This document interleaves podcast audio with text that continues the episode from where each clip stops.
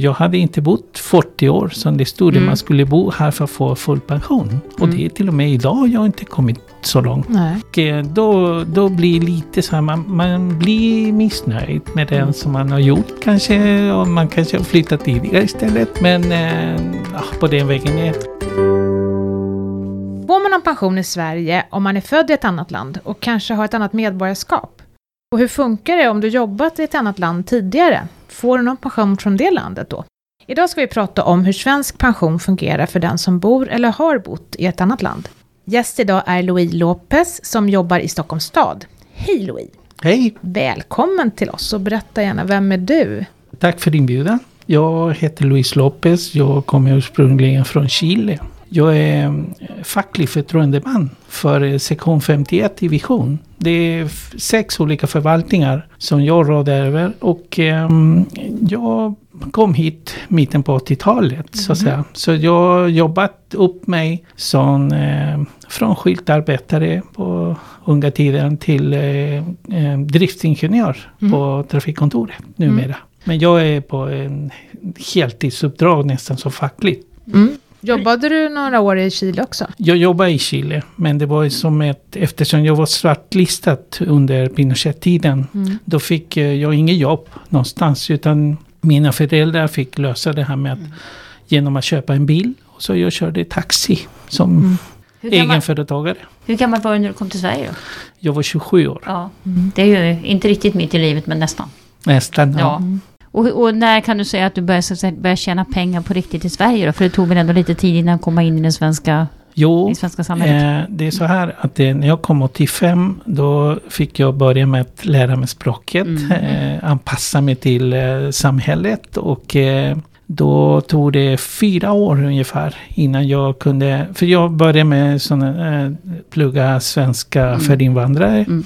Och sen eh, fick gå en utbildning som eh, maskinmekaniker. I Mhm. Mm. AMO hette det på den tiden. Ja, okej. Och eh, då blev jag maskiningenjör och då flyttade jag till, tillbaka till Chile. För då var det 89 när jag var klar med utbildningen. Då öppnade sig demokrati i Chile. ja. Och då tänkte jag, då fanns ingen anledning att jag inte skulle vara borta från mitt land. Då tänkte jag, nu kommer jag tillbaka och börja jobba på riktigt Mm, i Chile. mm.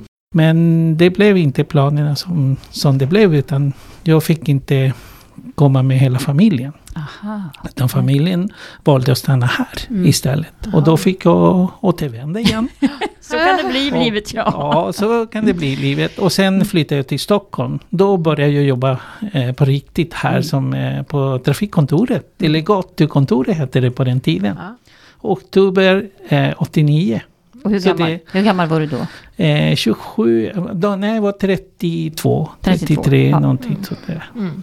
Så det är snart 30 år Ja, på ja, samma otroligt. ställe. Men då har du ju faktiskt tjänat in en hel del till din svenska pension. Ja. Men, men det här med svensk pension, hur, hur har du tänkt kring den?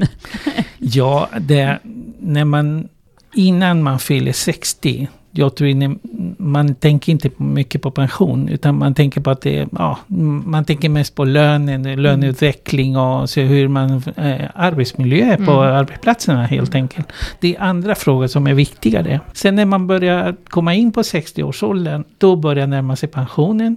Då börjar man bli inbjuden på olika möten gällande, eller utbildningar till och med, gällande pension. Och då väcker man intresse för vi som börjar närma oss pensionen. Mm. Och då känns det lite mer allvarligt så att säga. Mm. På Men, den vägen är jag. men, men hur tänkte du då när du liksom insåg att du inte hade så många år på den svenska arbetsmarknaden? Alltså hur tänkte du när du liksom började sätta in i din svenska pension? När jag började tänka på pensionen då hade jag jobbat en, en hel del här. Så jag tänkte mest på att det... Jag började fråga och då kom upp det här med reformen. Mm. Det var 2003 var någon gång. Och, eller 93 Nej, var på, det det, till på, och det är med. 95, Ja. 94, var det. 95 brukar man säga att den nya. Och då började jag ändra sig och då tänkte man på att eh, jag hade inte bott 40 år som det stod. Mm. Man skulle bo här för att få full pension. Och Mm. det är till och med idag jag inte kommit gått så långt. Nej. Och eh, då, då blir lite så här, man, man blir missnöjd med den Mm. som man har gjort kanske. Och man kanske har flyttat tidigare istället. Men ja, på den vägen ner. Man kan Ja, nu ska vi kanske reda ut här att 40 år för, pensionen. Jag vet att det är väldigt många som, alltså det är det man hör. När jag pratar med någon som är utrikesfödda så säger många, men jag har inte bott 40 år i Sverige. Mm. Vad det handlar om, det är att, så att säga, få full pott av den här garantipensionen som är det här stödet som finns i botten om du inte har tjänat så mycket egna pengar. Men du har ju jobbat så många år i Sverige så du har förmodligen liksom tjänat in din pension alldeles på egen hand. Och då spelar de där 40 åren ingen roll för dig. Utan det är om du har väldigt låga inkomster över livet när du jobbar i Sverige. Då kan det vara viktigt att få en del av sin pension av den här garantipensionsdelen. Och det är klart, har du bott 30 år, då får du så att säga tre fjärdedelar av den där som du skulle få fullt ut om du har bott 40 år. Ja. Men eh, det är en myt lite grann det där att man måste ha bott 40 år i Sverige. För de flesta, eller för ganska många i alla fall, så spelar det inte så stor roll. Det kan vara skönt att känna.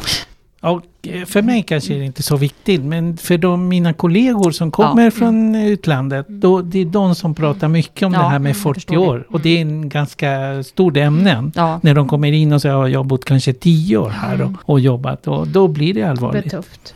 Jo, och det är ju också så att, att eh, det är klart, kommer man som flykting och räknas som flykting, då brukar man ju säga att då får man full garantipension ändå, för då, då räknas det så som att man flyttade hit när man var 25 eller någonting sånt där. Men, men just om man kommer som arbetskraftsinvandrare eller framförallt som anhöriginvandrare, då har man ju inte det skyddet. Och då, det kan ju naturligtvis spela roll för pensionen. Ja. Och det där egentligen avgör, man avgörs inte riktigt för man går i pension. Då är det Migrationsverket som så att säga bestämmer vad du ska klassas som. Sen finns det ju äldreförsörjningsstöd. Garantipensionen den räcker ju, räknar ju Pensionsmyndigheten ut, så den behöver man ju aldrig ansöka om, utan det blir bara ett tillskott i den riktiga pensionen då när, när den kommer. Men sen finns det ju ett äldreförsörjningsstöd som man kan också ansöka Mm. om, om pensionen är riktigt låg.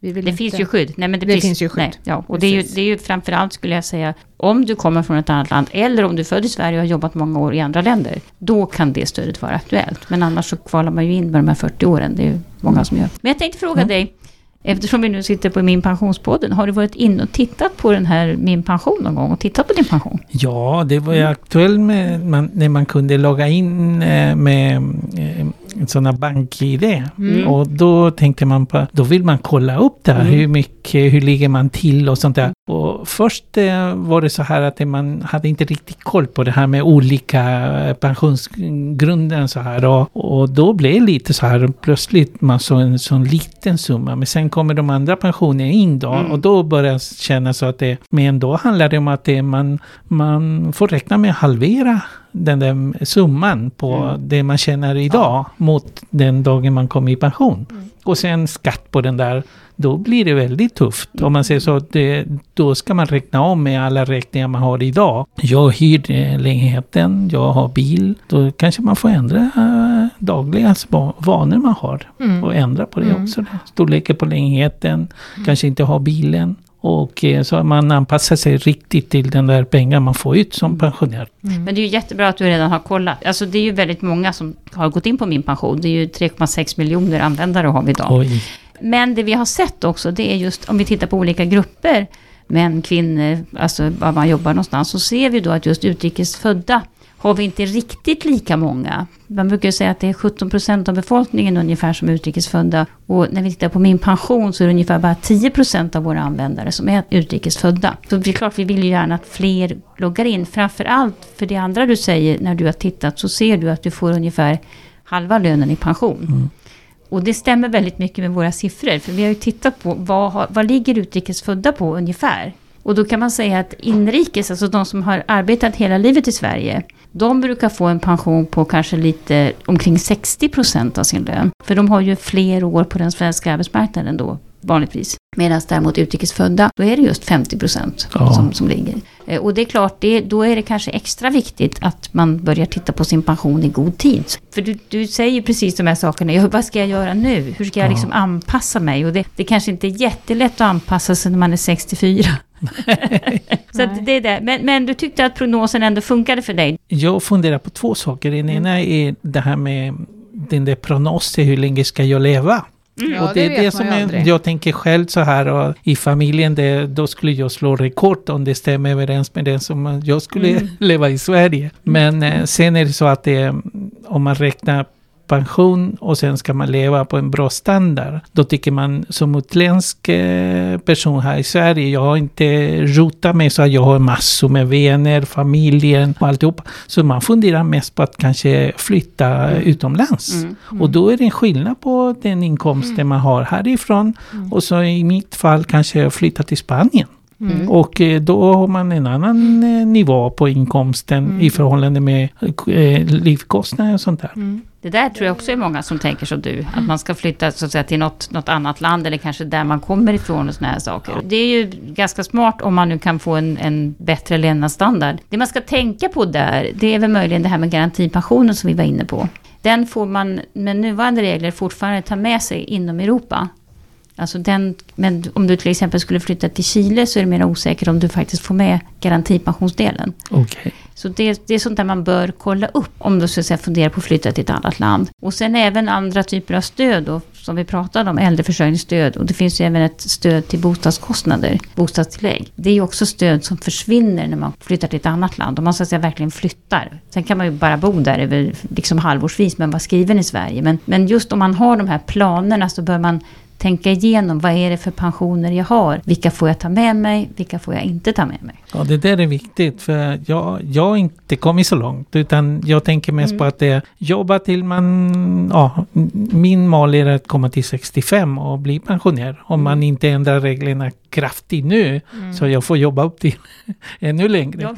Eh, Men då är det så här att om, man, om jag jobbar till 65 så flyttar jag till eh, exempelvis Spanien. Mm. Då ska tänka mig på innan man flyttar, då börjar man fråga vad är det som gäller. Ja. Och då är det, jag är för beredd på att ställa de där rätta Ja. frågor så här och kolla med många andra kollegor som har flyttat redan. Mm, och, och fråga vad, jag faktiskt jag har aldrig varit i Spanien. Bara, Nej. Då tänk, och då tänker jag på vilken plats i Spanien skulle passa Ja. mig och sånt där. Och så, mm, vad är det för skillnad på standard och liv och sånt där. Och jag, jag är inte så hemskt förtjust i värmen. Mm. Eftersom jag kommer från den sydligaste stad i världen brukar vi säga. Ja, där är det kallt. Och då är det kallt, det är som att bo i Kiruna härifrån. Mm. Och då tänker man på, nej jag skulle inte stå ut med 40 grader i, Mm. i skogen så här varje eh, sommar och sånt där. Så det, det är en fråga om det här. Sen, de hade pratat mycket om eh, Portugal, om Mm. de här eh, bra förmåner på skatten som nu kanske blir inte kvar längre Nej. och sånt där. Men det är mycket sånt där frågor som man, jag kommer ställa innan jag Ja, flyttar ner. Bra, Mm. du har ju tänkt igenom det här. En sak till som, som har ju blivit aktuellt på senare tid, det är ju alltså skillnaden i valutakurser. Den svenska kronan har ju fallit i förhållande till euron, som man då har i Ja. Spanien. Och den svenska pensionen betalas ju ut i svenska kronor. Eh, så att man kan ju också drabbas av alltså valutaförändringar, ska man också vara medveten om. När man Du får börja spara pengar i euro. Ja. Okej. Du får öppna Ja. bankkonto i Spanien. Eh, men för att gå vidare då, det som Mm. saknas på min pension, och det är ju den här pensionen man eventuellt kan ha tjänat in i andra länder. Nu låter det inte som att du kommer att få så mycket pension från Chile. Ingenting. Nej. Men det ska man ändå veta när man går in och gör prog- prognosen, att om, om man vet med sig att jag har pension från forna Jugoslavien eller sånt där, eller Norge, eller Danmark, eller Tyskland, Spanien, då finns ju naturligtvis inte den pensionen med på min pension. Utan den får man så att säga söka efter då, när man ska gå i pension. Det som är bra att veta då, det är att om man har pension från, alltså inom EU, EUS, eh, så finns det ju samarbeten här mellan myndigheterna. Så att då talar man bara om till Pensionsmyndigheten när man ansöker om pension. Att jag har jobbat där och där och då och då. Och då hjälper myndigheten till med att ta rätt på de här pensionerna som man har från andra länder. Jag tänkte på, det som jag har gjort här är att eh, jobba extra. Mm. Eh, jag kör buss på helgerna. Mm. Kanske inte alla helger. Mm. Men då är det, eh, min fråga är om, det, om den där går automatiskt på min pension. Eller, eller måste jag säga till på något sätt? Ja, det för- går automatiskt. Ja, det går Ja, automatiskt absolut. till. Men jag misstänker att du får tjänstepension, att de har kollektivavtal, så du får tjänstepension för de där också. Ja, de har Mm. kollektivavtal. Ja, så- det kan vara svårare när du gör prognosen framåt. Okej. För då kanske man bara räknar med den lön som du har rapporterat från ditt vanliga jobb. Från, ja, Och extra pengarna får du ju inte med då. Men, men allt det som du har tjänat in redan, Det finns ju med där. Den allmänna pensionen, den där orange kuvertet, det är ju sånt man deklarerar inkomst för. Så så länge du deklarerar och betalar skatt för de där inkomsterna, då kommer det ju att läggas till din allmänna pension. Okej. Oavsett om du har flera olika arbetsgivare. Och tjänstepensionen, lite grann samma sak. Det, det kanske är svårt att prognostisera framåt vad det ska bli med de där extra jobben. Men det du har tjänat in, det, det finns ju liksom paketerat på kontona redan. Så det ser du. Det känns bra där jag vet att den är inräknad så att säga. Eller också känns det som att oh, du trodde du skulle få mer pengar. Nej, jag, jag, eftersom man betalar mycket högre skatt på den andra arbetsgivaren. Jag, Ja, ja. Mm. Då borde det räknas mer kanske på så att det går i pension. Om det har någon sammanhang. Ja. Jag tänkte på en sak, Mm. Kristina, det här med att du sa att man kan få hjälp med att få koll på sin Mm. pension i andra länder. Gäller det även utanför Europa? Och Brexit, hur kommer Ja, det? Brexit. Ja, det vågar jag nästan. Jag tror nästan att jag passar på Brexit Ja. till Brexit. Men det, kan, det kommer nog innebära förändringar, så ska man veta. Eh, Och det är ju så, alltså pensioner i USA och Chile till exempel och sånt. Där, där finns det ju inte den här typen av samarbeten längre. Möjligen att det finns med Chile, för jag tror att det har varit på tapeten att man ändå jobb, eftersom det är så många från Chile som bor i Sverige. De har en del, Mm. en del överenskommelser med Ja, Chile. jag Det gäller Försäkringskassan och jag tror pensionen är med. Jag tror då- faktiskt att pensionen är med. Jag, Ja. att jag passar, det, så är det nog. Så där får man ju hjälp. Är du i- ifrån Thailand eller sådana saker, Mm. då är det ju mer osäkert. Va? Om, så då får man ju jobba mer själv för att ta reda på den pensionen. Mm, okej. Och Brexit, det passar vi på sa vi igen. Tills det blir av, tror jag tills vi passar. Ja.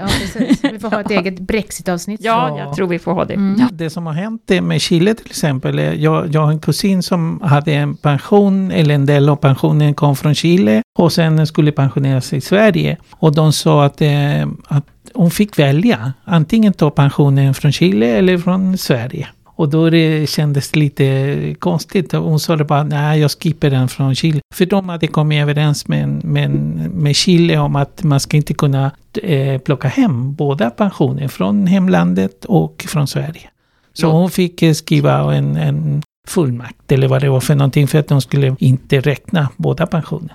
Låter lite konstigt i mina öron, men det kan ju vara så. Mm. Det kan möjligen vara så att den här pensionen i Chile, om den läggs till den pension du har i Sverige och du har en del av garanti, som garantipension, alltså det statliga stödet om du har låg svensk pension, Ja, då kan ju garantipensionen bli lägre i Sverige för du måste räkna med den chilensiska också. Så att det kan ha någonting med det där att göra. Men, men eh, det är lite knöligt. Ja. Och, och jag tänkte säga, du som ändå träffar ganska många i din Ja. fackliga verksamhet och jag misstänker att det är en och annan som faktiskt har ungefär samma bakgrund som du. Vad är det för typ av frågor du får?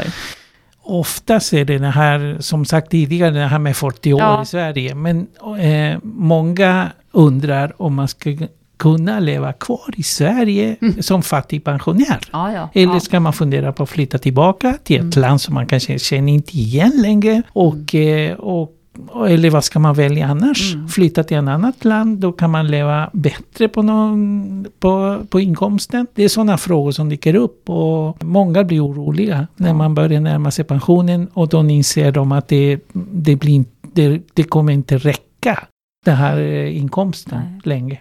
För det blir väldigt, eh, eh, de blir fattiga pensionärer Mm. helt enkelt. Ja, ofta så blir det så. Men då, då, då så skulle jag säga det är en liten trestegsraket där. I första hand så ska man kolla det här med vilka pensioner man har, vilket som är så att säga garantipension, ett statligt stöd och sånt, så att man vet vilka pensioner får jag med mig utomlands. Och alla pensioner som man verkligen har tjänat in själv, de får man ju ta med sig utomlands. Medan statliga stöd får man inte ta med sig på samma sätt. Det är väl grundregeln. Det andra man bör kolla, om man känner att min pension blir väldigt låg, det är att se om man har rätt till bostadstillägg. Bostadstillägg för pensionärer är alltså ett statligt stöd för den som har låg pension. Men det måste man ansöka om.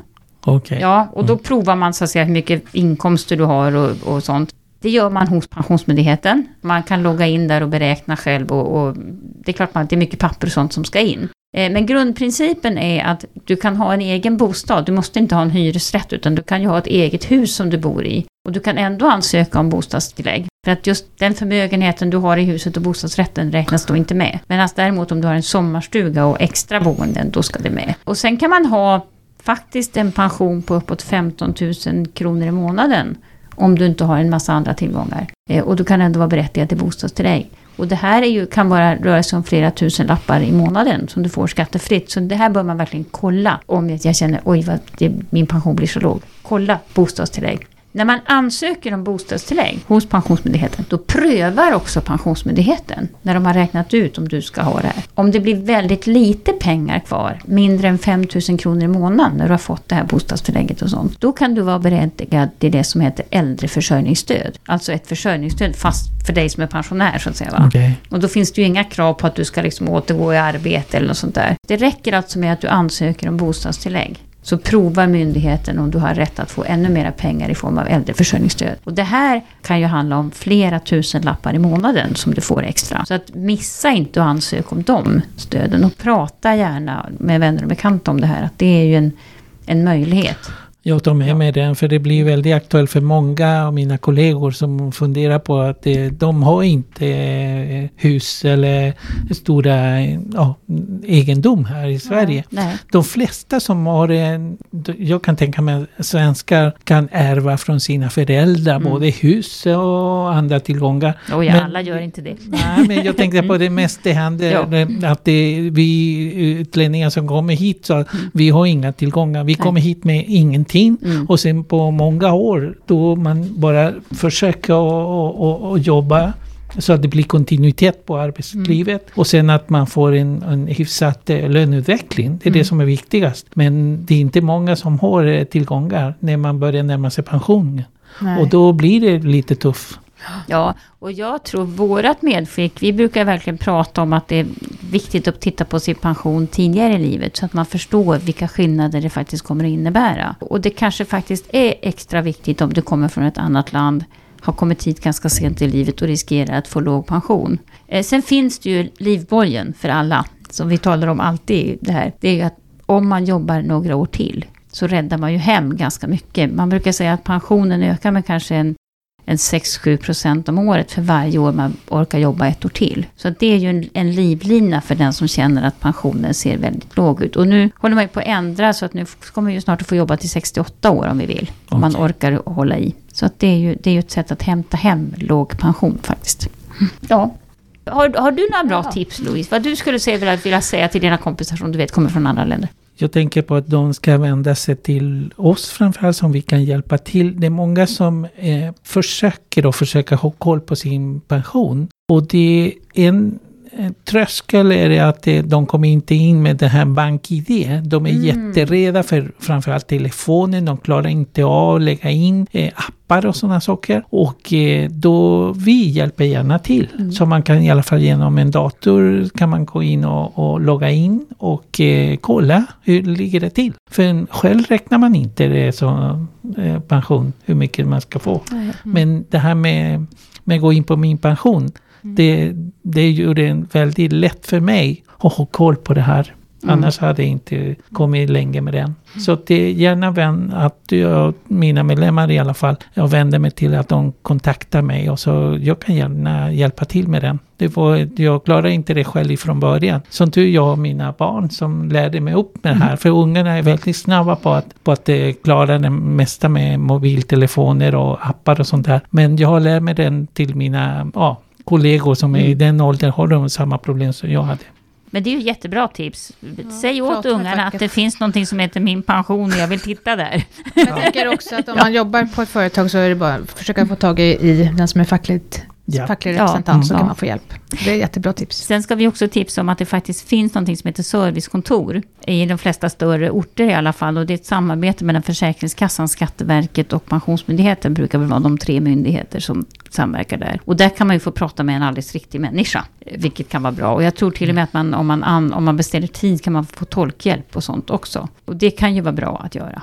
Mitt tips är också att man ska prata om det här att det är extra viktigt kanske om man riskerar att få låg pension för att man inte har jobbat så länge i Sverige. Att man går in tidigt och tittar och att det finns hjälp att få. Och också naturligtvis att du kan ju ha pension i andra länder också, glöm inte det.